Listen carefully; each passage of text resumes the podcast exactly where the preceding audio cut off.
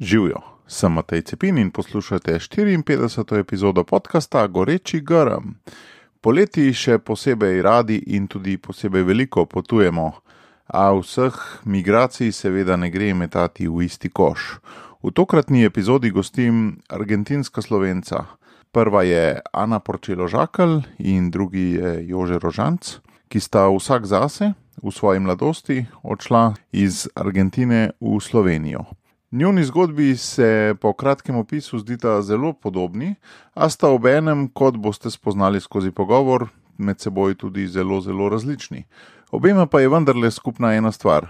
V Argentini sta zapustila skoraj vse, kar sta tam imela, in se podala iz cone obdobja na drug kontinent, v deželo, ki so jo morali sicer njuni stari starši pred več desetletji zelo na hitro zapustiti.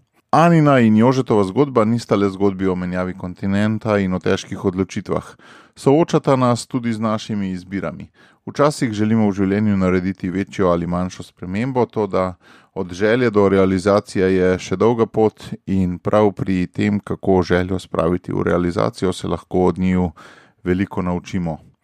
No, ko smo že pri migracijah, vabim vas, da si na portalu Razgledan si ogledate eno zadnjih lekcij, ki govori prav o tem pojavu, torej o migracijah. V teh dneh pa smo ji dodali še čisto nov video, več pa seveda na razgledan.si pošiljka migracije. Zdaj pa gremo kar v akcijo. Že veš, kaj je tvoj edinstven prispevek k boljšemu svetu in kako ga udejaniti? V podkastu Goreči Grm razkrivamo močne zgodbe tistih, ki že živijo svoje poslanstvo, zato da lahko ti najdeš navdih, prepoznaš svoje goreče grme in pogumno stopiš na novo pot. Živijo, Anči, živijo že dobrodošli v Gorečem grmu. Kako kaj? Hvala, Matej. Prvama v Argentini so poletja tudi tako vroča, ali ne, sta sicer iz zelo različnih koncev Argentine. Mislim, ja. reč, da so še bolj vroča, Ja, še posebno v Tucumanu. Poplav pa nista še doživela niti tam, ne? Je pa tukaj bilo nekaj novega. Vsako leto imamo kar nekaj Hvala- poplav. Hvala Bogu, nismo bili nikoli prizadeti, eh, vsaj na Ja, naši ne, strani, ne, ne, to ne. ampak to tudi poznamo. No, zanimivo, nisem vedel tega. Dobro, pa dajmo začeti kar mal bolj formalno s predstavitvijo. Dame imajo prednost, Anči. Oh, hvala. Eh, kako bi se v parih povedih predstavila? Ja, najprej hvala lepa, Matej, da si mi povabil. Ime mi je Ana Poroselo Žakl, prihajam iz Tucumana, to je v severu Argentine, a, da se predstavlja nekaj tako 1200 km na severu Buenos, od Buenos Airesa in sem se preselila skoraj dve leti nazaj, ne, mal, mal manj, samo v Slovenijo. Stara sem 29 let, študiram književnost in splošno jezikoslovje, tam v Tucumanu končujem študij nadaljavo. Se da? Tudi čez kontinent. Jo, težko, ampak uh, no, zaenkrat se da, počasi. Dobiš kakšen popust ali Ne, sploh ne. ne? ne. Ker tukaj nimam status študenta, tudi nimam popusta, nimam nič posebnega, ampak se da, tudi uh, si organiziram nekako, da lahko to naprej, ker je, en, je ena točka v življenju, ki moram še izpolniti. Piko na i narediti. Ja, tik. To si zdaj eh, ta del povedala, kaj pa z vidika, de, kaj počneš tukaj, poleg ja, ja, tukaj moram se še živeti. ne. Um, tukaj pa ponujam inštrukcije španščine in delam zaenkrat v, v eni pisarni, pomagam. Tukaj zaenkrat je to. Ampak rada se ukvarjam s tem, s poukom španščine. Jo, že zdaj si dobil dober model, kaj moraš povedati in česa ne. Eh, super, hvala Anči, Ja, prosim. hvala Matej, da si naj wow, eh, res hvala. Eh, jaz sem Ježar Žanec, eh, sem inženir z področja računalništva, sem star 35 let, sem se preselil sem le v Slovenijo enih pet let nazaj, eh, bo zdaj eh, čez par tednov, pet let. Izhajam pa iz Buenos Airesa. Buenos Aires je, recimo, mi smo živeli v predmestju, sicer je pa to prestolnica eh, države. Je, mesto in predmestje ima približno 15 milijonov prebivalcev, je, to je malo drugače kot v Sloveniji. Sicer pa tudi Žanči je prej omenila, tako razdalje v Argentini so zelo velike, e, Tucuman je 1200 km stran, druge skupnosti, recimo Mendoza je 1000 km stran, e, Bariloche je 1500-1600 km stran. Ja, to so malo drugačne e, razdalje, kot smo jih vajeni tukaj. Sicer pa eh, se ukvarjam zdaj, trenutno pišem doktorat, eh, upam, da bom hmal zaključil. Delujem kot raziskovalec na inštitutu Jožef Štefan in sem hvaležen, da sem se lahko tam vključil, pa tudi v kakšno podjetje, da sem nek način spoznal mečkam bolj vso to raziskovalno sfero in pač vso to eh, skupnost, ki se ukvarja z umetno inteligenco tudi v Sloveniji. To je zdaj hit področje. Ne? Absolutno, absolutno. Si vedel, da bo tako hit čez, čez ne, zdaj zadnje pol leta? Ne? Ja, v resnici dobro. Recimo, pomembnost je rasla cel čas. E, Ampak potem skok pa, je skok. No. Skok je pa skok, to se strinjam, to se strinjam. Tako je, tako je. E, sicer pa je zanimivo, ne glede, recimo, kaj, e, kako je to prepoznano med ljudmi ali ne. E, pač področje tako je zelo, zelo raznoliko. E, še posebno, kar je zanimivo, je to, da v bistvu se lahko ukvarja eh, tako, da prenaša umetno inteligenco na zelo različna področja in v bistvu s tem eh, potem lahko tudi pokriva zelo razna zanimanja. E Predstava o argentinskih slovencih bi lahko bila, ne, da je to ena taka trdna skupnost tam, ne, ampak sta že sama povedala, da sta že videla več kot tisoč km na razen, da se v Argentini najbrž nikoli nista poznala. Ne. Ne. In da pravzaprav gre za zelo velike razlike. Ne. Si mogoče predstavljamo, da niso, ne, ampak če prav razumem, se pravi, ok, ne, ta čist banalna je po spolu, a ne se razlikujeta tudi po starosti, po letu migracije, ne, jo že pred COVID-om, anči po COVID-u, po vrsti študija, ne, družboslovka in tehnik oziroma naravoslovec pa še marsikaj bi se najdel. Ne? Najbrž je ena od zelo pomembnih ta, da čeprav razumem, v Buenos Airesu je ta skupnost veliko bolj razvita, Anči prva s temelj pa sam staro mamo in nobene neke širše skupnosti. Ja, se motim. Ja, je bilo bolj družinska. Ena, dve, tri družine, ki smo se tako ukvarjali, bi rekla, s slovenščino. Je vsakič, ne, vsako leto je bilo težje, ampak je pa tako družinsko. Um, Kako ste bili pa vi razseljeni, te tri družine med sabo? Na razen kilometrov? Ne, ne toliko, 15 km, ne, uh, približno 20. Ne. Mi smo Aha. živeli ne v mestu, uh, to je ne v centru Tukumana, ker to je San Miguel de Tucuman, ampak enih 15-20 km preč, to je ta Fivieho se imenuje. Tako, vsake toliko časa smo se srečali, te družine, ampak če ne pa je bilo samo doma, smo se pogovarjali po slovenski, smo imeli tako slovensko okolje, bi rekla. Mm. Če ne pa v zuniji, pa vse bilo po špansko. Ja. Ne, nismo imeli take večje skupine, smo zmeri slišali o skupini, ki je v Buenos Airesu, ki je v Bariloče, v Mendozi, kot je omenil eh, mm. Jože. Ampak doma pa je bilo tako, družina se je potrudila, da se jezik ohrani, da se da malo spoznamo, kako je bilo življenje, družinsko zgodovino in tako naprej. Če ne pa je bilo to. To je to. Slovenstvo tam v Tukumanu je malo tale, ja. tale zgodba. Kako pa prvo si jo že bilo to? E, pri nas gotovo je bilo morda malo drugače. Ta del družinske vzgoje mislim, da je zelo pomemben vedno e, in pri nas tudi obstajal. Je seveda pa recimo to, da smo imeli še ob strani recimo vso slovensko skupnost na nek način z raznimi domovi. V Buenos Airesu smo imeli recimo šest e, lokalnih domov, kjer vsako nedeljo je slovenska maša, e, potem recimo imamo ob sobotah recimo slovenske šole, potekajo tam recimo imajo tudi recimo razne organizacije svoje sedeže, tako mladinske organizacije, potem imamo razne folklorne skupine, e, kašne dramske skupine in tako naprej. Je to država financirala, kaj te organizacije? Ne, ne, ne, to je vse iz prostovoljstva. Ni bilo nobenega javnega financiranja. Ne, ne, to je pač že tradicija se vleče, odkar recimo, ja, je pač, je, recimo to so na nek način zgradili naši stari starši, -huh. recimo z njihovimi prihranki v prostem času in tako. In recimo tudi velik teh organizacij, ki so na nek način nastale in ki eh, recimo danes še vedno eh, obstajajo in delujejo. E, tudi izhajajo iz e, te tradicije organizacij, ki so že obstajale prej v Sloveniji. Ne? V Sloveniji pred vojno so bile recimo določene mladinske organizacije in tako, ki so se potem na nek način tudi prenesle v Argentino in potem tudi recimo preko tega se je tudi izobraževalo ali pa združevalo ali pa recimo z raznimi dejavnostmi je to življenje na nek način držalo skupaj vse ljudi, recimo v tem, da se ohranja slovenstvo, v tem, da se ohranja katoliško vero, zvestovo mm. koreninam pa tudi tej zgodovini, ki nas veže. Pa bi lahko rekel, da je Anči bila tako posajena v suho zemljo, ti pa v tako rodno zemljo tam v Argentini, ali ne? E, ja, recimo bi lahko rekli, da uval v rodno zemljo na drugačen način. Ja. Ja. Ja, ja. Kako bi ti opredelil to zemljo? Je bila rodna ali ni bila rodna? Absolutno, absolutno. Recimo v mojem primeru gotovo, e, v njenem pa mislim, da tudi. Sam recimo morda ni imela tega okvira skupnosti, ampak še vedno mislim, da recimo, je zelo pomembna tukaj vloga družine, e, kako na nek način prenaša to ljubezen do slovenstva. Na koncu recimo veliko od tega, kar ena dela, je, če dela iz ljubezni in raste iz ljubezni, potem se stvari ohranjajo.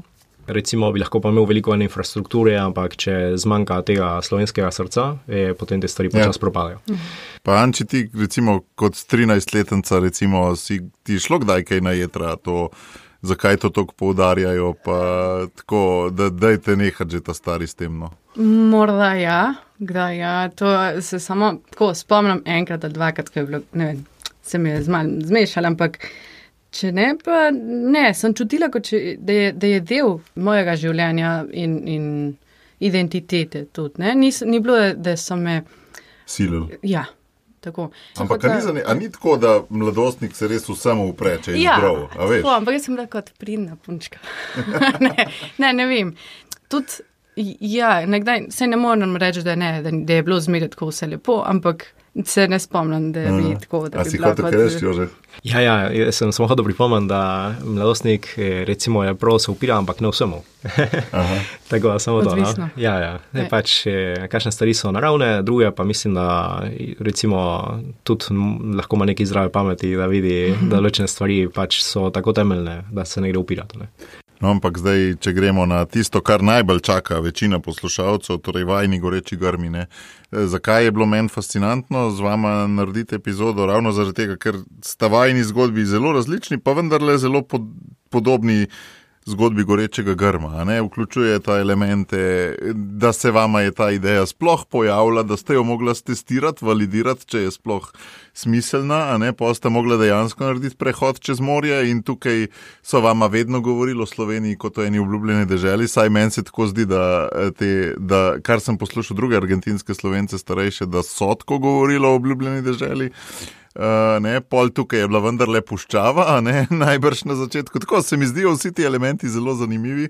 In ne gre za vaju tok, ne gre predvsem za vaju, ampak gre tudi za tiste ljudi, za tiste mlade, ki mogoče bi na kakšnem drugem področju šli iz cone obdobja. Ne. Tako da za vsak odhod iz cone obdobja se seveda rabi kakšen goreči grn, ker drugače ne gre. Ne. Noben je tok neumen. In me zanima zdaj, kakšne sta bila vajna goreča grma. Kdaj je bil prvi preblisk, a so ti Anči skozi govorili? že, da bo še enkrat šla, ali je bilo to družinsko pogojeno, ali ti je samo kliknilo, ali kaj? Ne, moram, moram reči, da je to bilo družinsko. Naj, najprej povdarim to, da v Tukumanu, ne, moj, moja stara starša in te družine, ki so se preselili v Tukuman, so prihajali iz te skupine iz Buenos Airesa, tako da so imeli isto idejo, da bojo začele na slovensko šolo tam, čeprav je bila mehna, ampak da se tudi ukvarjajo naprej, da se a, potrudijo. Ne. In zdi se mi, da je to super, da so se odločili še naprej, čeprav tale okolje ni bilo. V še težjih razmerah kot v Buenos Airesu. In še danes, še danes imamo tako slovensko, majhno slovensko šolo, bolj družinsko, ampak imamo vsak uh, petek za eno uro in pol. Pojejo, otroci se naučijo besede, čeprav je zmeraj teže, ampak je še, še obstaja to. In uh, to je tudi v moj, mojem življenju je to bilo, ne? družinsko smo eh, doma zmeraj govorili slovensko, se stara starša sta zmeraj mal govorila o Sloveniji, kako je bilo takrat, čeprav uh, kakšne dele zgodovine so ven. Ali niso povedali, ker tudi je bilo traumatično za njih. Ne? Ampak ne vem, sem čutila zmeraj, da je bila Slovenija tako kot en, uh, kako bi rekla, uh, paradise. Ne? Ja, obljubljena država. Obljubljena država. In je bilo tako, da leta 2015 smo imeli možnost prvič prijeti sem z sestro in staro mamo.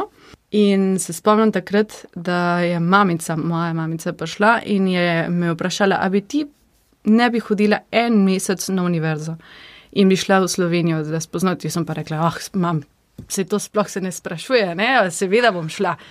Če se potrebno, otroci bi tudi vsi šli v Argentino zdaj le pogledati. Če bi bilo treba v šolo hoditi, ja, ja, seveda, pa še to. In smo prišli za en mesec, In no, to je bilo taka izkušnja, eh, lepa, ker smo slišali toliko o Sloveniji. In ko smo prišli, je bilo, končno smo tukaj. Je bilo en, en, en kompliren suenjo, kako bi rekla, da, da se Je, da uresničiš sanje.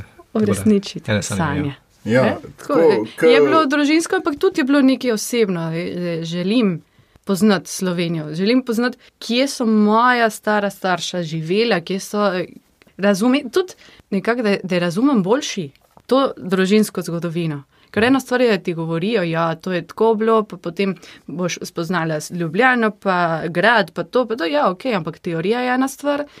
In da te učijo to tako s knjigami, ampak druga stvar je, da prideš pa da pogledaš, pa vidiš. Pa, Otipljivo, rata, ne? Ja, čist druga izkušnja. To je bilo, Podoben, ker ne vem, če ste že imeli kdaj vtis izkušnjo, ko priješ v ZDA ta prvič, ne, pa pristaneš, pa tako vidiš, pa tle je res vse tako, kot v unih filmih. a veš.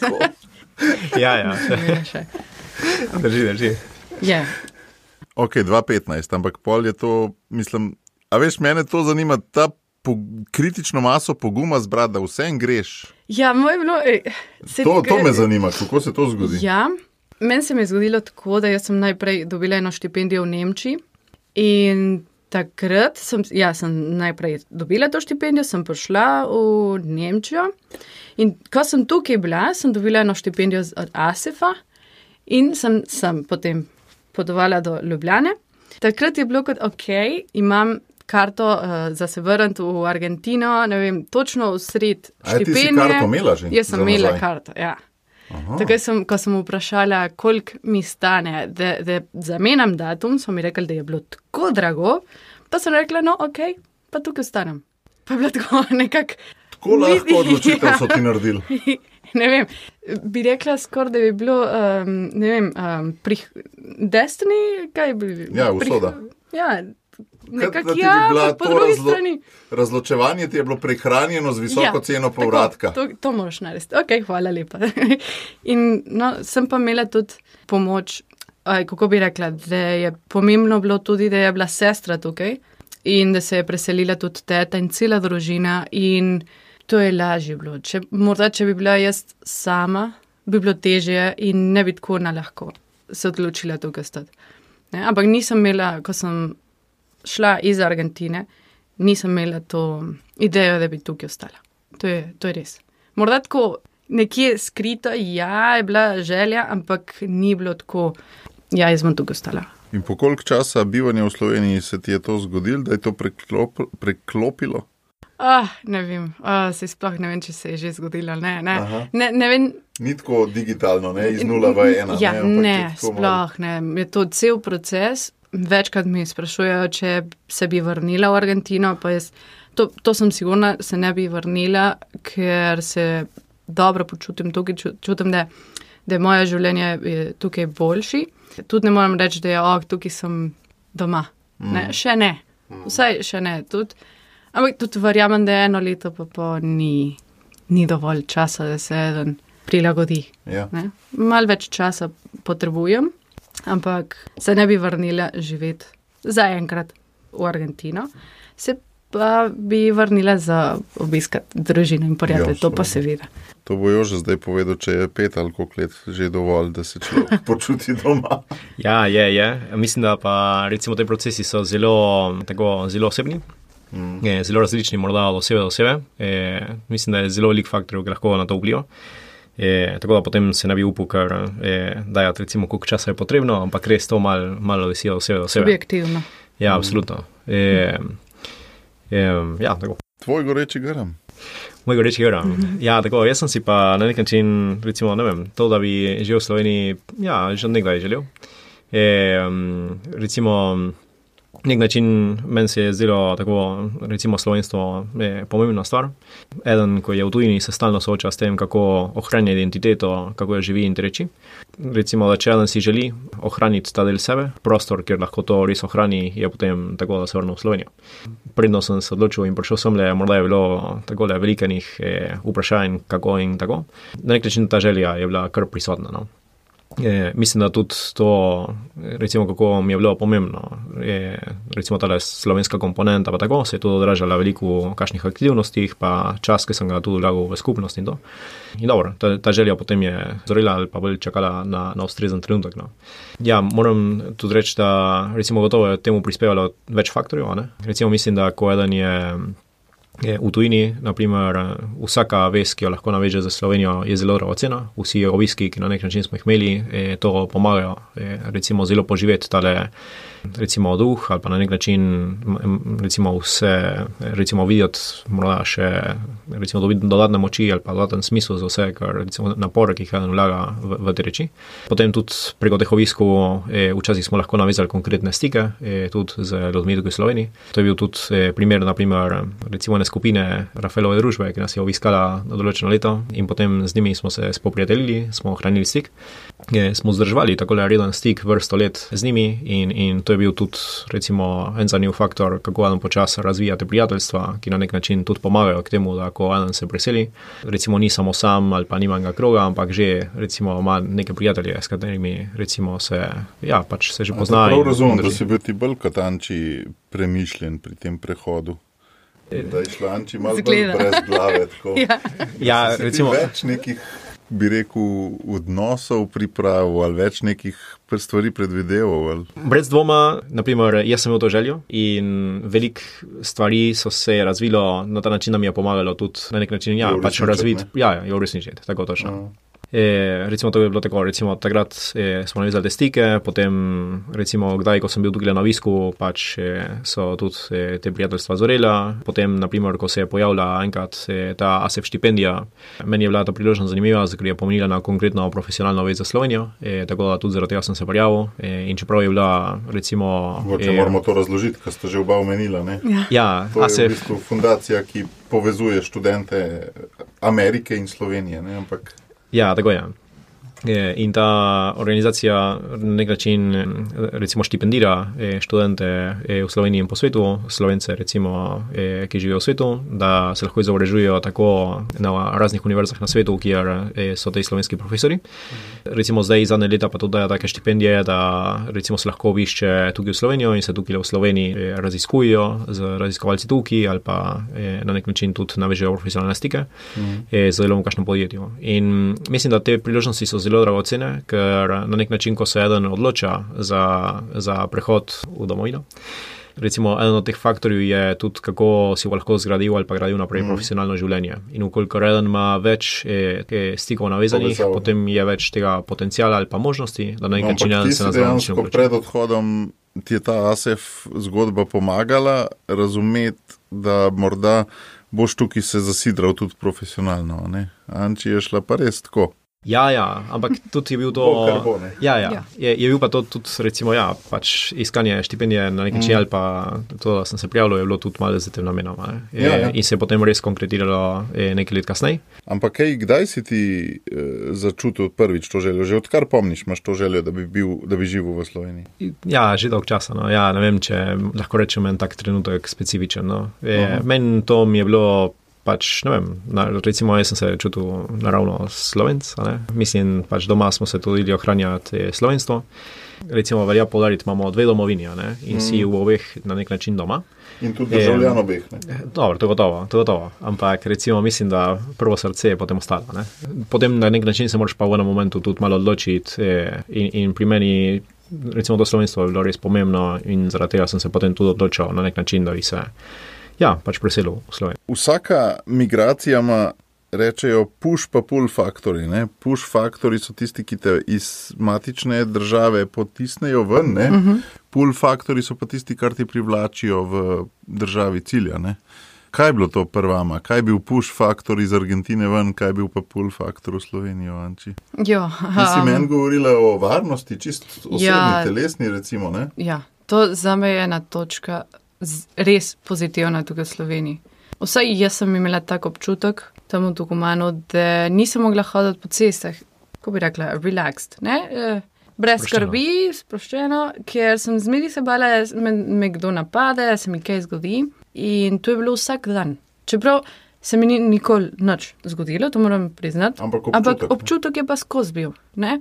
Ko sem čakala, čakala naprimer, uh, da pride avtobus, sem skozi se bala, da pride, ne vem, kakšen motorist in, in mi kaj naredi. In ta občutek je bil res neudoben. In še to, da sploh doma nisi bil ne vem, varen. Ne? Tukaj pa sem to čist, na, na to čist pozabila. Tukaj se res uh, počutim varna in za me je res. To je, je že sam ta dejavnik dovolj, da bi zamenjala? Ne, Ne. ne. bi rekla, da je dovolj, ampak je pa pomemben. Ne, ja, veš, ko, eh, ko si predstavljam zgodbo A, pa zgodbo B, je res. To, kar nesproščenosti se zgodi, ne, da je, bi lahko ja, bilo že to ja, dovolj, ja, da bi človek zamenil. a ne. res, res pomemben. Je ena od teh točk, ki jih zmeri, zmeri omenim, ko mi vprašajo, zakaj sem se sem preselila, zakaj sem še tukaj. Varnost je ena od teh točk, ki res eh, zmeri omenim. Ne? Ker to eden bi rekel. Ok, se tudi se ti ni nič zgodilo, ampak to živiš vsak dan s tem. Pa morda ni, da vsi živijo tako, ampak jaz sem tako živela, pod stresom si skozi. bila, Ja. Ne? Ne vem, me zanima, bi rekla, kako se bom jaz počutila, ko se vrnem, Ja. ja. kako- kakšen občutek bom jaz imela, ali res je tako bilo ali ne, ali sem se navadila Ali tukaj. si ko- ga tukaj mal napihnila? ali kaj, Ne vem, tako bom, bom videla, ko se vrnem. Je pa res, jaz se spomnim, kakšen, kakšne izkušnje sem jaz imela takrat, pa to je bilo dovolj, tukaj sem čist pozabila na to in sem vesela zaradi tega. Ne? Mhm. Varnost je res pomembna točka. Za me osebno. Pri tebi je že push pa pull faktor. Ja, moj proces razmišljanja je bil pa malo drugačen. E, na nek način meni ta stvar identitete, pa to recimo je bilo postavljeno v spredje na nek način. E, In, naprimer, ko sem mal tudi razmišljal o tem, e, ko se preseliš in se odločiš za te reči, sem kakšne stvari poskušal odsmisliti, ker so lahko zelo, tako kako bi rekel, transitorne. E, Recimo v Argentini, morda trenutno situacija je, ne vem, nasplošno ekonomska ni tako dobra, ampak jaz sem imel zelo dobro službo in pač e, ni- nisem imel nobenih težav glede tega. E, to se pa lahko itak tudi spremeni v Sloveniji. E, in tudi varnost ali pa te stvari.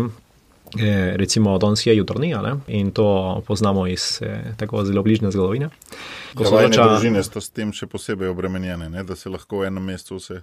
To je tudi res, to je tudi res. To je tudi res. Ampak mm. na nek način, recimo, sem skušal malo odsmisliti te stvari, ker recimo, če se odločaš za eno stvar, potem recimo, če boš tam za daljši čas, potem moraš biti pripravljen, da se pač razmere čist spremenijo in tvoja odločitev mora ostati trdna. Mm. Tako da na nek način sem potem, recimo, moje odločitve niso bile toliko, ne, ne zaradi ekonomskih razmer, ne zaradi varnosti in ničesar. Je bilo bolj zaradi v bistvu, kje bi si želel živeti, Zanimivo. A je to tudi spolno pogojeno, kaj, da, de- da ženske bolj vam je varnost pomembna, ali v Argentini tudi moški zaradi varnosti Ne, nevarno, trpijo? nevarnost je en Je. recimo, realen problem Argentine. E, to ni recimo, samo percepcija. Večje mesta imajo takole kar visoko raven kriminala. Recimo, veliko tega kriminala je tudi pogojeno z mamili. In recimo Argentina je imela zadnje leta tudi eh, veliko teh problemov zaradi naraščanja, recimo ali tranzita mamil ali vsega tega, kar naredijo potem kriminal, eh, ne samo da pride v vse pore družbe, eh, recimo zaradi interesov mamil, ampak tudi veliko te nevarnosti zaradi ljudi, ki so mamljeni, ki nimajo nobenega nadzora nad sabo, kako reagirajo. In če tudi ti zelo racionalno operiraš z njimi, potem ne veš, kaj se ti bo zgodilo. Mm. E, in to mislim, da pač v večjih mestih se pozna gotovo, e, potem pa dobro. E, ampak to je tako velik del Argentine, na nek način se spopada s to težavo. In to je novo ne, v Argentini. To v vajnih ranih otroških letih ni bilo tako. Ne? Gotovo ne v taki meri. Ali ti si že vse se- čas? Ne, se ne to? spomnim. Otroštvo se sploh ne spomnim, kakšna je bila. Ne, recimo, Ampak od bila deset let stara, ste imeli 10, 12, 15, morda ja. Aha. Ja, tako je. Ja, Zadnjih 15 let ja je, je, je se je poslabšalo. se je zelo spremenila ja. slika. Ja, ja, tako je. Pa ne vem, kakšno bo čez deset let, ampak dan danes je pa tak, taka In situacija. botrovala je kaj, slaba gospodarska situacija ali še druge, drugi dejavniki temu poslabšanju? Verjetno jih je več uh, faktorjev. Tako. Gospodarstvo seveda je, je pomembno, ampak no, tudi nisem analizirala tako Mhm. globoko to, ampak verja, verjamem, da jih je ve, ve, več um, faktorjev vplivajo na to. Ja, to je večplasten problem in recimo zelo kompleksen. E, tudi na nek način je zelo težko potem najti strukturalne rešitve, ki bi vse tole e, recimo lahko zajele in počasi revertirale. E, recimo korupcija na nek način je tudi en recimo, zelo velik problem, ker ko začne recimo ali zaradi mamil ali zaradi drugih e, reči polirati v vse te pore družbe, potem na nek način se začne poznati v tem, da ljudje niso izobraženi, ljudje ne prijajo določenih eh, osnovnih reči, ki jih potrebujejo, zaposlovanje ni tako dobro, potem ko se pojavijo te mafije, na nek način nudijo kot alternativne, recimo paradržavne sisteme za veliko njih reči. E, in tudi te ljudje morda potem nimajo enega incentiva ali pa sploh ne, recimo, ne vidijo kakšnih določenih možnosti razvoja svojega življenja in počasi te stvari se začnejo. Pa se eh, vlečejo, ne? Eno, Ja, ja, recimo drugi, rastejo ja. počasi. ne.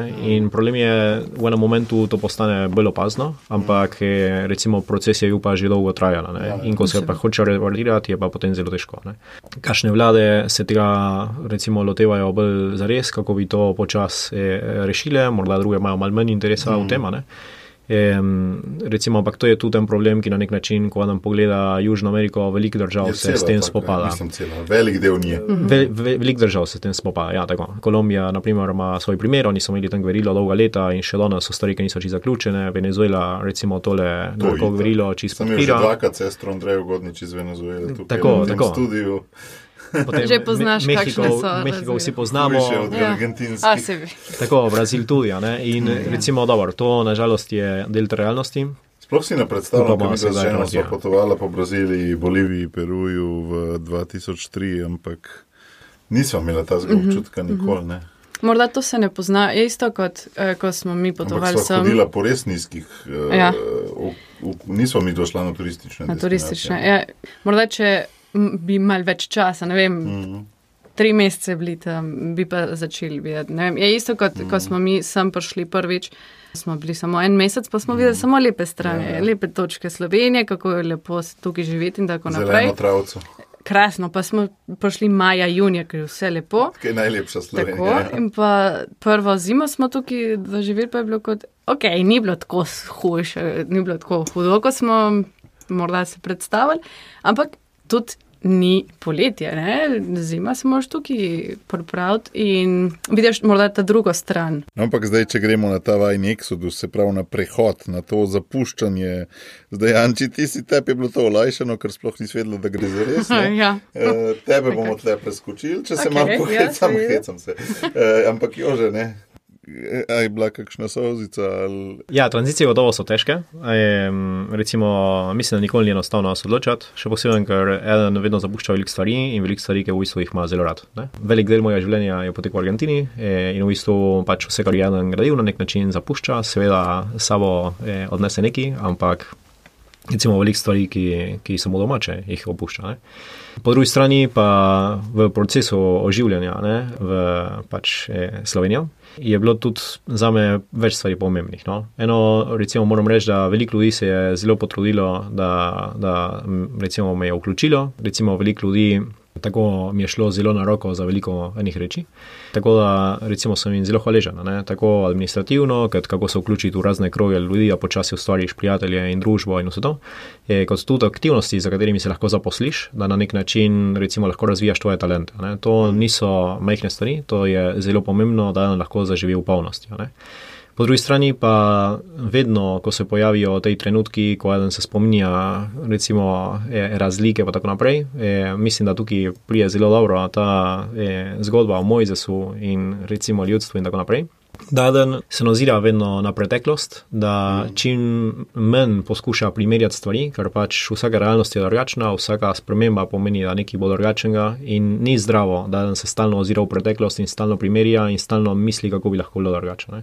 Če eden recimo živi v teh primerjavah, potem nikoli se ne more zares oživeti. Ne. Tako da mislim, da del te vadbe, ko eden se vživlja v nekaj novega, je v to, da na nek način v teh stvarih se čim manj, na nek način ne vleče ne nepotrebne nostalgije. Ne. To ne pomeni, da, da nimaš stvari rad ali pa recimo jih ne viš od je, ampak da ne po nepotrebnem recimo da bi vlekel neko žalost zaradi nečesa. Ne. No, v čem sta meni vidva velikana, a ne zdaj, ko razmišljam, pa ko si to govoril, v tem, da znaš stvar pustiti za seboj, kljub temu, da gre za veliko izgubo na nek način. Tudi če bi jo meril v denarju, a ne pač vsi odnosi, vsi ne v čustvih.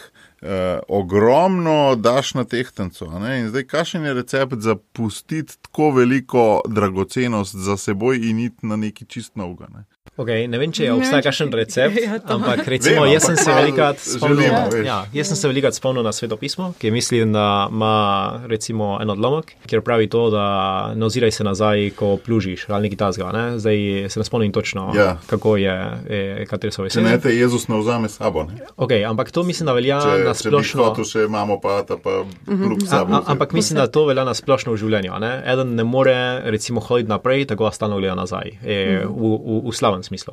Seveda mora rasti iz korenin, seveda mora recimo imeti svojo identiteto zgrajeno, e, ampak ne tako, da recimo saj ne mislim ti ne bi to pomagalo rasti. Ampak ti si v sedanjosti, ne v preteklosti, ti si v sedanjosti imel stvari tam, ki si jih pustil. Ja, ampak že ko tranzicioniraš, potem ta drugo že počasi postaja preteklost, ne v tem smislu. Uh -huh. Torej jaz ne morem hoditi naprej, tako da se stalno Mhm. V oziram. bistvu že takrat, ko planiraš, ne, Se materializira poslavljaš, počasi. vnaprej se že poslavljaš od stvari. Ne? Tako, tako, to bo to, to bo to. Kaj pa ti, Anči? Ja, jaz sem še v tej tranziciji, ne, tudi uh, večkrat o tem premišljujem. Ne bi rekla, da uh, pogrešam kot preteklost ali kako so st- stvari bile, ker tudi res, jaz se spomnim, kako so stvari bile dve leta nazaj, morda dan danes so se kakšne stvari spremenile. Si lahko delaš neke lažne podobe. Ne, Ja, ok, ampak. Uh, ne lahko bi Se- si, sej- ne, če preveč premišljuješ o tem, Ja, kako je to. tako, ali pa ena ideja, ki niso take, ne, že niso take. In ja, kakšenkrat je tako težko, naprimer, uh, se mi večkrat zgodi, gledam, kako se družina, kako se srečajo tam, kako imajo ti praznike in tako naprej. Pa rečem, ok, ja, te stvari zgubljam, nekako, če se hoče. Ampak po drugi strani. Sem pa ne morem reči, da se slabo počutim, tako nasplošno, ker to je lepa izkušnja za me. Jaz tudi se, kako se reče, eh, estoy creciendo, ne? Rastem, rastem, rastem ja. s tem, vse, vse te izzivi, pa izkušnje, vse, vse te pozitivne za me osebno. In Bog ve, če to je tudi za druge. Jaz lahko s, tem, s, te, s to potjo, ki jaz se zdaj od, odločim, lahko druge pomaga, drugi pomagam. Tudi to ne v Ne? Argentini. Ne? Tako, ja, ja, točno. Ja, najprej pomislim na, na bratrance. naprimer, Mm. Ne? Morda jaz od Kaj moje pozicije. dala? ne? Tako, kako, kako, kaj lahko naučim. Tudi ni moja, moj namen, da okay, jaz te bom to naučila. Mm. Ampak dan danes jaz sem se odločila, da je rekel, step forward, ne, Korak ta, naprej. ta korak Narediš korak naprej. narediti. In morda to je pomembno za druge, da tudi lahko oni se, se upajo ti korake za, za sanje, a za želje, ali da se oni boljše počutijo. Ne vem, malo se bojijo, kakšenkrat se verjetno, imajo, ne vem, človek se veliko stvari boji ne?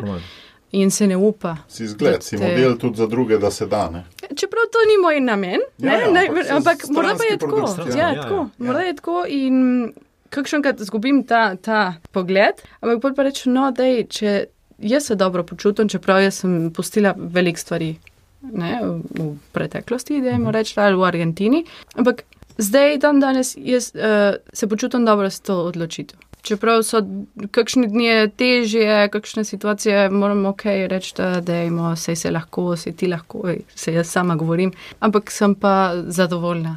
Pa še to je, veš, tisto, kar je svetopisansko, da se lahko pridružiš možu ali ženi, samo če prej zapustiš mamo in očeta. ne. Ja. To je tudi, ne. Ne, ne, ja, osebno tudi, je, ne, je si- ogromno. To mi je prišlo na misel, ko si govorila o teh praznikih. Ne? Uh -huh, ja, Da si pa res radikalno zapustila mamo in očeta. ja. Čist od, od enega dne. in da te bo to tudi zgradilo najbrž za novo družino. ne? Ja. Bolj kot bi te, če bi tam ostal. Uh Mhm. -huh. najbrž. Čist, čisto brez dvoma. Ne, ne, tukaj so lahko zelo različne interpretacije, a ne, ker eh, recimo eh, je lahko drugače to, da razlog za zapustitev očeta in mater je to v bistvu, da greš potem. Ja, eh, se- kaj je vzrok, kaj je posledica. Ne? Ja, tako v bistvu. Ne? In morda tudi v okviru družine eden lahko zelo raste in se razvija, in tako je recimo zori veliko. Ne? In ne na koncu tudi je eden je poklican, da živi v neki družbi, tako da dokler eh, nimaš nekoga, s komer ustvarjaš, morda je tudi je lahko zdravo do neke mere, pač, da živiš ja. v družino. Mm. Tako da samo to. Ampak potem pa v tej puščavi, a ne, ko, ko pridemo čez morje, je puščava, v tej integraciji si ti, Jože, že kar nekaj povedal. Povedal si, da so si gradil že prej prijateljstva. Anči, ti si imela pa kar izzive, najbrž ne, še več s to integracijo. Kaj je ja. bilo najtežje pri tej integraciji? ali Pa... Um, jaz bi začela, čeprav jaz sem, imam že neke družine tukaj, ampak naprimer um, ne direktne, to je bratranci od, moje, od mame, pa tako, ali prijatelje od družine, ampak tako ne direktno. uh, da bi jaz spoznala ne, sama od sebe. Bi rekla tako, če jaz pre- premišljujem, pomislim, kje so bili te izzivi. Najprej, seveda, je jezik. Ne bi rekla, to je bil velik izziv, ker čeprav doma smo govorili slovenščino, slovensko, smo govorili domačo slovenščino. Da smo govorili o stvari, ki se govori doma, z družino, ne v birokraciji, ne vse O, velik del besedišča v bistvu nisi imela. ogromen. Ker se sploh nisi ogromen. zavedala, da ga nimaš. Ne? Pa nisem potrebovala tudi, ne, se tam v Argentini je bilo vse, vse te stvari so bile po špansko. Mm. pa, moram priznati tudi, da tam v Argentini bi bilo težko, ne, vse, to, vse te dokumente in tako naprej. Tukaj v Sloveniji pa je bilo še dvakrat težje, Mhm. ampak zdi se mi, da če eden ima to. Veš, jaz znam slovenski zelo dobro od rojstva, pa so mi te dokumenti zelo težki. Za nas pa še slabše. Ne, to je bil velik izziv, jezik. Potem pa ja priznam tudi, da dobiti uh, slovenske skupine je bilo za me tudi, eh, je še težko. Kaj Uh, pomeni slovenske? Ne argentinsko, ne slovenske, argentinske, slovenske. tako. Slovenske, ne? Kaj si stigmatizirana? ali kaj? Tako, naprimer, um, ali, ali pride do kakšno skupnost, ne? da, da se vključimo v kakšno skupnost, da so slovenci, da niso argentinci, da niso iz la, Južne Amerike, ker to seveda je lažje. Ne? Sem se vključila uh, naprimer, v uh, eno skupino, tam, kjer so eh, ljudje iz Venezuele, iz Kolumbije, Peru in tako naprej.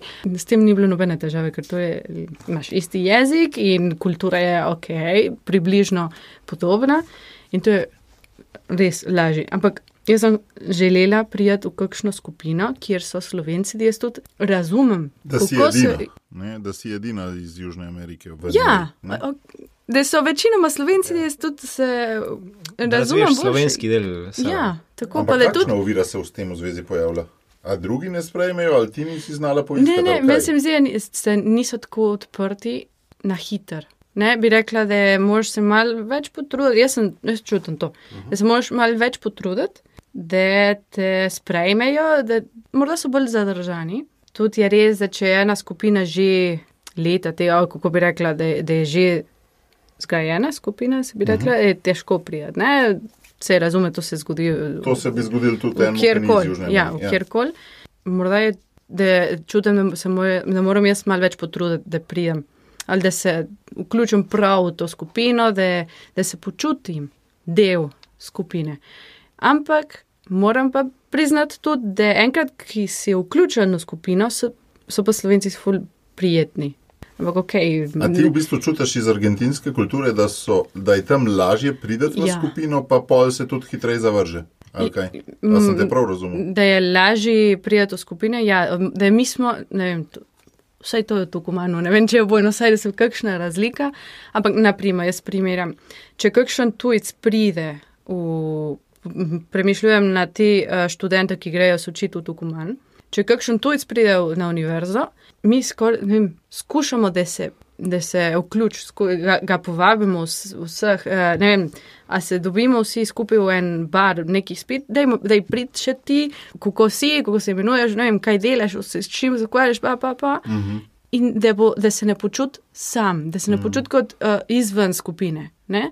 Čeprav morda sploh ne zna eh, isti To je jezik. pri vem kaj. slovencih malo mogoče, da ne radi sprašujemo vprašanja ljudi, ki jih ne poznamo. To je morda, ja. Ne, ta- Taka je, taka je bila moja izkušnja in še danes je, moram se še s tem ukvarjati. Ti In, še ne da eh, miru, še nisi. Še, nisi Še nisem čist. ja, in pa morda je tudi to, da se, jaz imam stik z starejše ljudi in ok, zaradi inštrukcijami tudi z m, najstnike. Ne? In ljudje, moja starost pa še težje. Zanimivo je, da ti je tvoja generacija Ja. težak oreh. Ja, to pa ne vem, zakaj. Tudi ne, Mhm. nisem dobila razloga, ne, ne vem, da je za, za vedeti, zakaj ne morem se tako na hitro. Morda tudi te okroge, ne, tam, kjer se jaz premikam, Gibleš, ja. ja, niso moje starosti. Kaj pa ti, že si imel podobno izkušnjo ali čez drugo? Meni je šlo veliko ljudi na roko, eh, tako da so mi odpirali svoje prijateljstva, kroge, me bavili na razne stvari, tako da glede tega sem jim zelo hvaležen. No. In to brez dvoma pomaga, da se dan potem drugače integriram. Recimo, potem značaji so lahko malo drugačni in, in pomagajo se, kakšne stvari malo drugače izražajo. Ampak tudi, ko obstaja volja na obeh straneh, na nek način potem se je tako vse premostijo. Tu je res sem zelo hvaležen veliko ljudem, da, da so mi pri tem pomagali. No. Sicer pa, ja, mislim, da je en realen problem, da kjerkoli, ki si recimo v enem kraju, ki ti ni domač, ne, je potem ta izziv, kako navežeš stike. In na nek način, če od ta druge strani ne prije nekdo, pa ti ponudi roko, ne, potem ti zelo težko greš, pa trkaš na vse vrata. Ja. In tukaj je, recimo, brez dvoma pride do, do izraza te razni značaji, kjer. Morda Argentinci so naravno tako zelo eh, odprti, vključujoči, se, se zelo hitro pogovarjajo o čemorkoli, za komorkoli.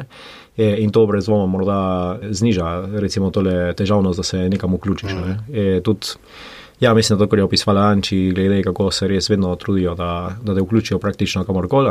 Ja, pač je gotovo potem komorkoli v pomoč, ne, ko se kako pri stojini ali pa ki ni zadolženega groba. Ampak sicer pa moja izkušnja, recimo v Sloveniji, je bila zelo pozitivna glede tega. To pač spet sem hvaležen veliko ljudem, ki na nek način so se tako zelo trudili aktivno v tem. Mal ti odpirajo vrata, mal moraš pa potem tudi ti mm. porivati, da, da počasi odpreš in, in si širiš kroge. Ampak jo že ti si ravno v civilni družbi zelo zelo aktiven, kot jaz te poznam, pri tem ASEF-u si prostovoljc ure in ure, ki smo ga prej omenjali, ne? pol si pri Novi Slovenski zavezi, ne? tudi socialno akademijo si že kdaj kaj sodeloval. To je tudi res. Polno je nekih. Bi rekel, civilno-družbenih organizacij, ki mislim, ti si res proaktiven v tem. Ne? Sem res proaktiven, ne bom zanikal. Meni stvari, ki se mi zdijo pomembne, potem tudi eh, sem pripravljen žrtvovati nekaj časa no? in ja. talentu. Dobro, vedno eden ima lahko določene predloge, pa ideje, pa tako, ampak še vedno. Recimo, ne bi zmogel velikih stvari, če ne bi bilo potem ene aktivne podpore na drugi mm. strani in posluha in na nek način ene Seveda, želje, da potem se tudi recimo, te stvari razvijajo in, in udejanjajo. Tako da iz tega vidika sem spet recimo, vsem tem ljudem zelo, zelo hvaležen, mm. ker En način, kako eden se vključi v en prostor, je v tem, da lahko se razdaja za družbo. Mm. In recimo, eden pač nekaj lahko naredi na svoji strani, ampak ukolikor drugim omogočajo, da potem tudi recimo, najde prostore, kjer razvija svoje talente, se razdaja, mm. e, potem s tem se tudi na nek način integrira, z, recimo začne e, tkati čiste pristne vezi in v bistvu postaja s časom recimo, tako aktiven člen pa e, družbe. Mm. In potem bi mogli na nek način stremeti, najti recimo za vsega, ki prihaja, kako ja. se ga lahko nagovori, recimo, ki je na nek način vibrira in potem, da s tem gradimo tako eno lepo slovensko družbo. Ta najbrž zdaj tudi vidva občutljiva, ne? ko nekdo pride, da bi mu povedala, da bi ga pomagala integrirati. Ne? Ja. Ja, gotovo. Recimo, ja. Že, že od eh, same izkušnje, ne? od svoje izkušnje, rečeš, ok. Ja od moje izkušnje vem, kako se, počut, eh, kako se to čuti. Pri tebi je bil pa še COVID vmes, kaj je bilo pa tudi za navezovanje stikov, kar en handicap. Ne? Ja, gotovo, ampak recimo, ne bomo jamrali. No? Takole, ne, res da ne. Recimo, je, tudi spet tukaj sem hvaležen veliko ljudem, ki na nek način. Ampak si mi že enkrat, ko smo se privat pogovarjali, si mi pojamrali, toliko let sem že tukaj, pa od tega je bilo toliko časa COVID. Ne? Je, je res, je res. Socialno življenje je bilo malo. Recimo, gotovo, gotovo, je, to je res, to je res. Ampak hkrati pa, ne vem, tudi v takih trenutkih, ki so težki, a ne, eden ne živi vedno na pandemijo, ko se preseli v kratkem mm -hmm. roku, a ne. Recimo, spet moramo biti hvaležni veliko ljudem, ki na nek način so mi takrat stali ob strani na razne načine. Da potem nisi res eh, absolutno samev, je res, da potem, dobro, pač je, recimo, morda socialno življenje je bilo okrnjeno zaradi tega, pa tako. Mm. Ampak hkrati pa, dobro. Smo se na zumu dobivali tudi. Ne? Smo se tudi na zumu dobivali, mm -hmm. tako, tako, tako večno. Ste najdel način za videti. ja, ja, pa recimo so bile tudi priložnosti za morda zgraditi druge stvari. No? Ja, ja. Več časa za kaj drugega in tukaj, mm. dobro, tudi smo imeli en krožek za Matejem na socialni ja, akademiji, to je bilo super. Je, super ja, res je bilo. In zdaj, ko gledate nazaj, obljubljene države Slovenija, v čem se razlikuje, glede na tiste zgodbice o zeleni travi, ki jih je stara mama pripovedovala, Anči? Hmm. Uh, no, dobro vprašanje. Ne, seveda. Ja, tako lepa država, verjamem, da je lepa država. Ne vem, če je tako idealna, seveda, ampak nekako. Uh, no, upam, da, mi, da ne misliš, da je. Ne, ne, ne, ampak to je zelo nizko postavljeno. Ja, ne, ne, ne. Ampak tudi nisem prišla s to, s to idejo. Ne? Že enkrat, ok, sem že spoznala to idealno Slovenijo, takrat, ko sem prišla 15. Ok, zdaj pa dajmo pogledati, poznati realno Slovenijo. nekako sem vedela, da, da bojo izzivi in da bojo situacije, ki mi niso všeč, da bojo kakšni dni, da ne bo, se ne bom v redu počutila. Zdi se mi, da sem že to, to idejo imela v glav, čeprav nisem imela namen tukaj ostati. Ampak mm -hmm. to idejo, da je Slovenija, pa nobena druga država, ni, ni idealna. Yeah. Tako je ni bilo, ne bi rekla, da je bil tak velik šok. Aha. Čeprav so kakšne stvari, da ja, ok, bi rekla, a, sem pričakovala, da bi bilo boljše tukaj. Ampak no, ok, to ni bilo tako velika, velika uh, razlika. Morda tudi, ker um, tam doma smo zmeraj s tem živeli. Ne bom rekla, da smo imeli kakšno posebno kulturo doma ali kaj posebnega. Smo pa imeli eno zgodovino, druž, družinsko zgodovino, eno drugačno od drugih Argentincev. Eno zgodbo smo imeli nekaj v identiteti, ki ni bilo mhm. isto. Ne, jaz sem zmeraj rekla, jaz, moj, moja stara starša sta slovenca, nista Argentinca. Nekaj značilno je bilo doma. Tukaj, ko, smo, ko sem sem prišla, ne bom govorila v plural, ker ne vem, kakšna je izkušnja od drugih, ampak ko sem sem prišla, ne, bom, ne moram reči, da, da je bila, bil tak šok. Še enkrat. Je bilo dokaj realno pričakovanje. Ja, ja, ja med tudi v tej starosti. Ne moram imeti take idealne pričakovanja mm. od nobene, nobene države. Ja. Država skor... je le država, je vedno narejena za to, da nam po prstih to uče, pa da približno poskuša skupno življenje organizirati prek mhm. cest, pa zdravstvenega sistema in podobnih reči. Ja, ampak recimo katerakoli ustanova, ne, kjer smo sodeleženi ljudje, ni perfektna. Ja, in mislim, ja, da pač je zelo zdravo to izhodišče, da veš, da pač ni, nič ni perfektnega in, in že s tem recimo se lotiš tega. Ne, no, ampak recimo, mene vsem zanimajo razlike, ne, se pravi, kje so pa bile vajne podobe pozitivno popačene, ne, v smislu, pa zdaj ni tako, ne. A je kaj tazga? A veš, jaz si tako predstavljam, da ste vi zamrznili Slovenijo pred drugo svetovno vojno v svojih uh, arhivih, uh -huh. in pa ste živeli čisteno svojo zgodbo tam. Ne? Pri nas pa teh 50 let komunizma vendarle pustili neke kulturne posledice tudi. Ja, ja, ja, to. Ja. Gotovo posledice so, ampak recimo tudi ne vem, če je glih najbolj ustrezna podoba to, da je zamrznjena podoba. No? Ne, na nek način ste jo razvijali, ampak. Naši stari starši, naši starši, mi sami na nek način. Potem, em, recimo, ni, ni da imamo eno statično podobo Slovenije. Mm -hmm. Gotovo so kakšni elementi, ki na nek način so morda ostali, naprimer jezik. Ne, res je osveževal ste, ne, vi to podobo skozi. Tako, tako. Ste, ja. Torej, recimo, je res, da tudi potem, ko eden, naprimer, govori o nečem, kaj ima rad, mm. načeloma poudarja stvari, ki so dobre, ne, ne boš ja, govoril o defektih in tako naprej. In mislim, da to je čist del naravnega procesa. To pa še vedno ne pomeni, da morda kdaj tudi kakšni pogovori niso, recimo, tudi samega zanimanja do mm. realnosti v Sloveniji. Niso nanesli na to, da si debatiral, katere so konkretne težave, z katerimi se sooča. Recimo, v teh pogovorih tudi potem eden zelo, recimo, ni ima samo eno idealizirano podobo, kjer pač je vse zeleno, ampak na nek način pač razumeš, da realnost je kompleksna, recimo, mm. s čim se sooča in tudi potem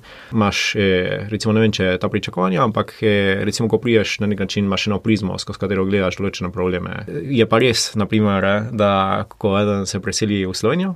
Zanimiva stvar je, da morda z slovenci se lahko pogovarjaš o vem, slovenski recimo, vem, e, takole literaturi, pa recimo, ne vem, določeni poeziji, pa take stvari, in imaš e, veliko skupnih izhodišč do določenega leta, od tam naprej pa morda mi poznamo veliko manj in kar naenkrat. Filmi, recimo, so najbolj taka stvar. Ne? Tako, tako. In, in potem je pa včasih zanimivo, ne? ker tako smo si, recimo, zelo podobni v kakšnih stvarih, v drugih pa kar naenkrat, recimo, ja. se pozna, da nam manjka določen mhm. e, segment let kar si pač rastel mm. na drugih tleh.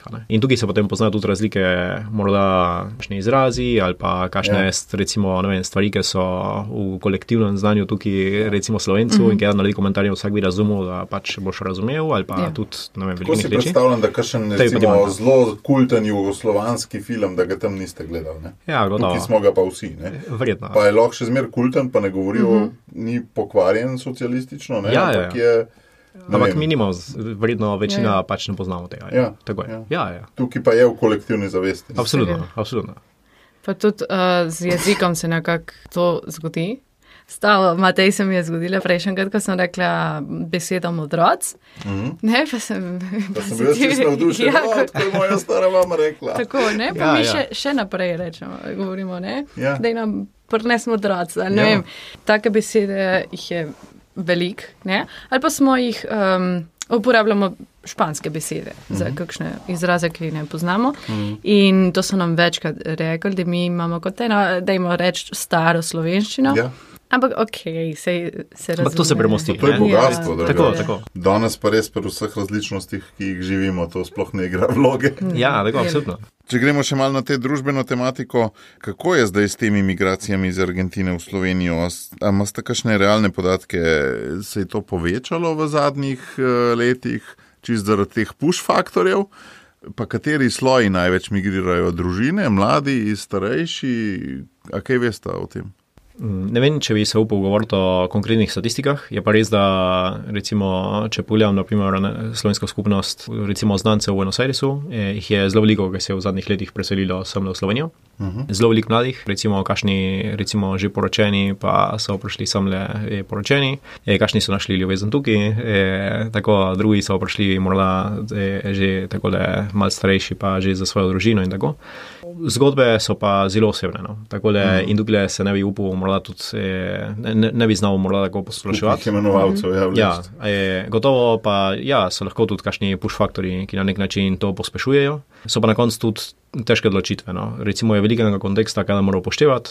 Eden ima prijatelje, ima družino, ima službo. Če, recimo, če, če si ti ustvaril svojo družino, potem je to morda je lahko še dodatna stvar, o kateri boš recimo premišljal, da se lahko odločiš. Breme, ne? Pa breme. Po svoje več stvari za zrihtati, po svoje pa če imaš otroke, pa da vidiš, kam greš v obe družbi, je lahko tudi motivacija. Tako, tako. To niso lahke odločitve in potem, ja, mislim, da so zelo raznolike, odvisno na koga se vračaš. Najbrž ne vem, kako so vaši vajni starši recimo razmišljali, ne leta 90, da zdaj bojo pa vsi tako išli. Najbrž ne, ne. Ampak tako, veš, da zdaj po 30 letih v bistvu tak val Ker se mi zdi, da je val, da raste, no, da v zadnjih nekaj letih raste. Ne? Ni zanimiv ta pojav, da v bistvu 30 let po osamosvojitvi to I, tako raste. Morda je tudi ima vpliv, kakšna situacija tam v Argentini. Ja, to je. Ja. Ja, ja, to je, jaz bi rekla, vsaj v tem primeru v Tukumanu. Situacija v Argentini, kakšne so ne, razmere tam, eh, imajo velik vpliv na to odločitev. Okay. Push faktori. Ja, pustimo vse tukaj, vse, kar sem imela, vse, kar sem imel in grem začeti čisti z nule. Tja, v Slovenijo, tam, kjer morda poznam samo vem, deset oseb, ja. ali ne vem, so, kakšno je življenje, in tako naprej. Ampak morda, verjet, verjetno so boljše od mm. Argentine. Seveda, to je kot je, je, je že Jože omenil. Je odvisno vsake osebe, vsak uh, primer posebej ampak vsaj v moji družini je nekako tako. Jaz mislim, je da je to še... želja po migriranju v zadnjih letih. Ja, letih. ker tudi je, mm. nažalost, eh, ja, ni tako lepo, kar bom rekla, ampak je tudi ena možnost. Mi mm. imamo to možnost, da prijeti sem, znamo jezik, imamo državljanstvo.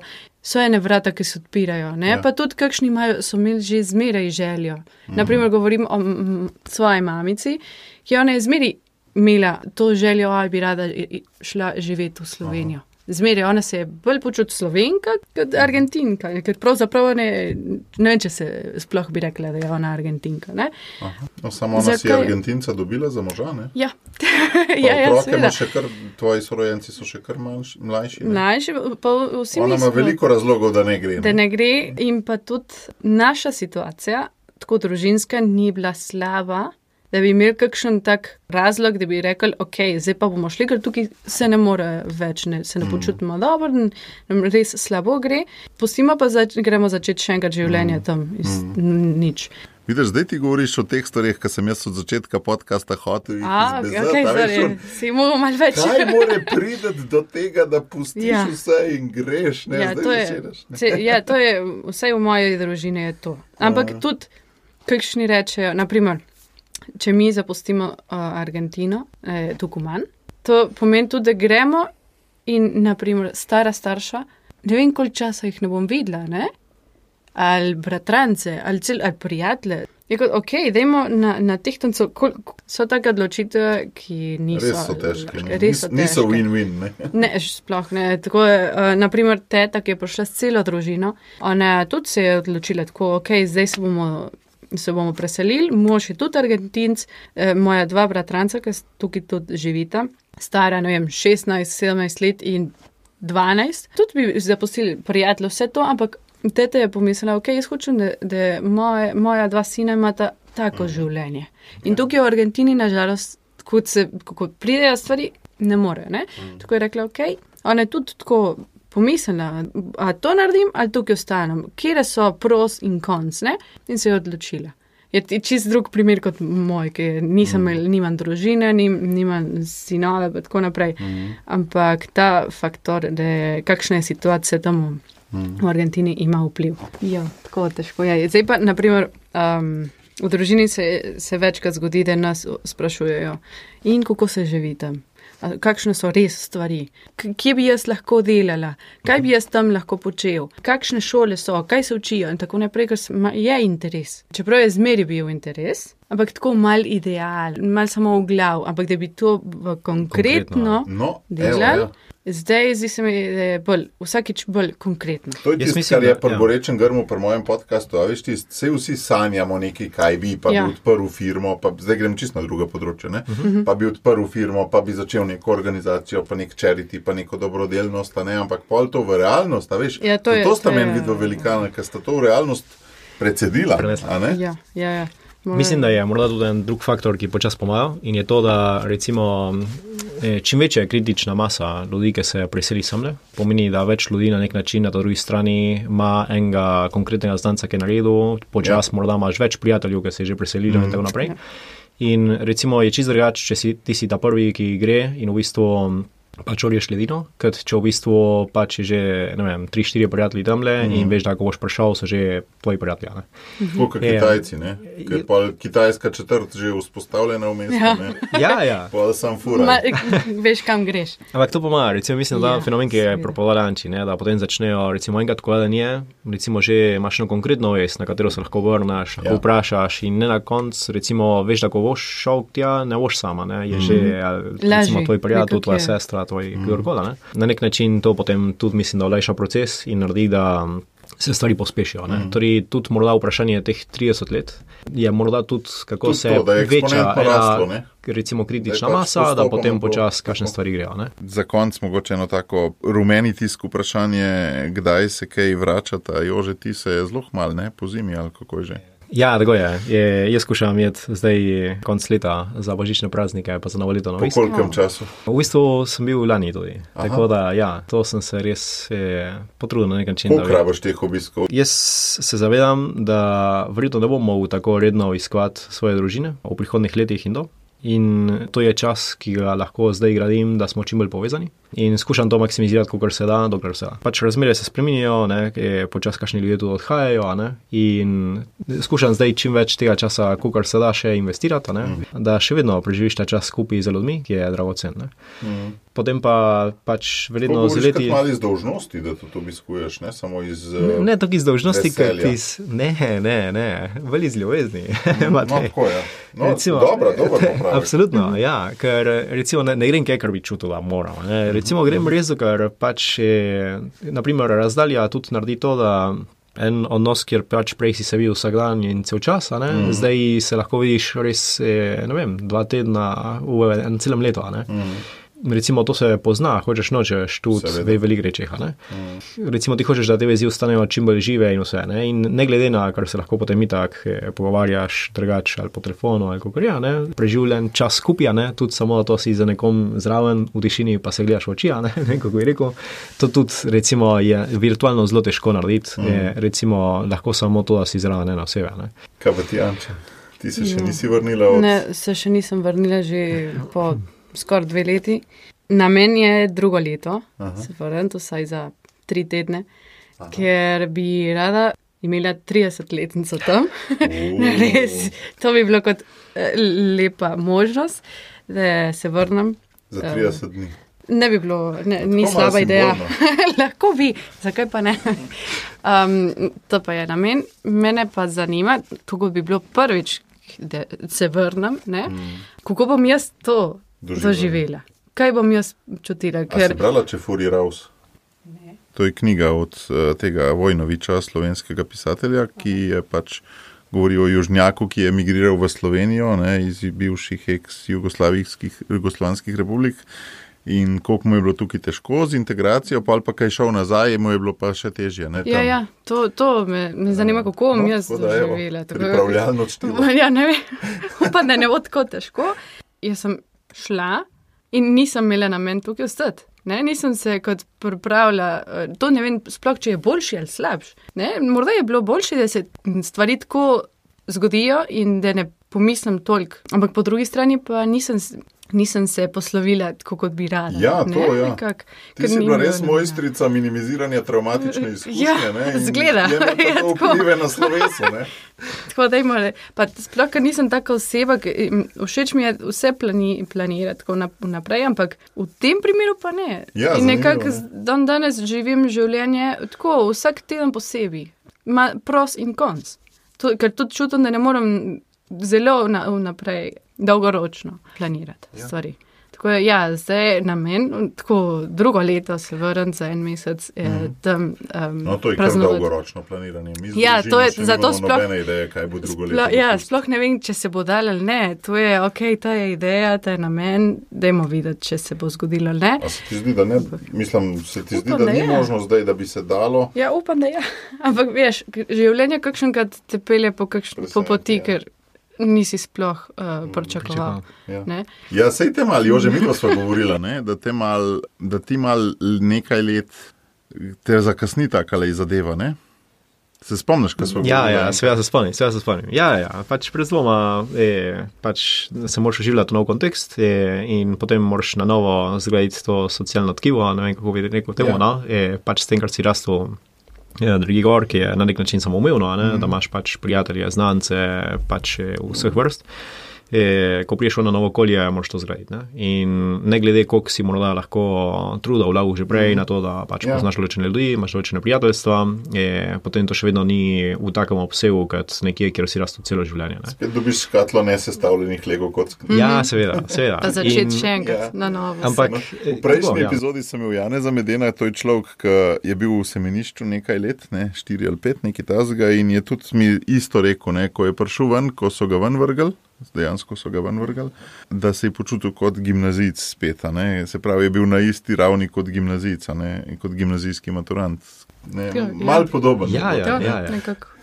Nova, nova etapa, nov, nov, Moraš gledati nov na novo. del življenja. moraš Čist, no, in če čist iz nule, ker Ne, ne, ampak- smo imeli tako, ne, dru, vse, kar smo, so zgodbo družinsko in vse, kar smo Ja, živeli. ja. Ampak, Ampak Ampak nekako moraš, ok, to od zdaj naprej moraš ti sam začeti. Ampak je pa to tudi priložnost, enkrat sem en ful dobr TEDx poslušal na to temo, da so težke odločitve priložnost za artikulacijo svoje nove identitete. Ne? V smislu, Anči, ti si lahko, pa tudi mogoče Jože, ne, čisti z nule začela graditi svojo identiteto. Ne vem pa, koliko se tega zavestno človek loteva, kaj je v taki situaciji. Ne? Se mu stvari kar Ja. zgodijo ali res želi zavestno. Mal eh, pa mal. Ne, ja, zdi se mi, da vsaj jaz uh, čutim to zavestno, ne, da je ok, tukaj lahko počnem. Postanem nekdo, kar prej ker- nisem mogla. ker Prej, ne, mi ni všeč ta uh, beseda, ampak kako bi rekla, reputacijon. Ugled. Ne? Aha, ugled. Ugled, ali ja, kaj? okay, ne. Eden ima nekaj Ja, ja, ja. ugled, Ja, ja. tam, tukaj pa si pa na status. novo, tukaj Mm. si kot refreshed. Ja, ja. na Pa imaš to možnost. Ja. In to, je, to je sem čutila. Tabula rasa. Tabula rasa, veš, to je čist kaka. In to, jaz sem vzela to kot nekaj res pozitivnega. Aha, zanimivo. Tako. Kaj jaz bi se pa glih tega najbolj bal? A res? Ja, po mojem. No. Zakaj je Matej? Je zato, ker a veš, toliko stvari na katere vežeš ti svojo identiteto. a Ne? ne vem, kako posel dobiti, če še nisi prepoznan, kako prijatelje dobiti še enkrat iz nule. Če, pač vs, to vse vzame en čas in Mhm. Absolutno, To absolutno. je- Ja, ja, ja. Eden mora Dobro, biti. ampak eh, hkrati imaš talente.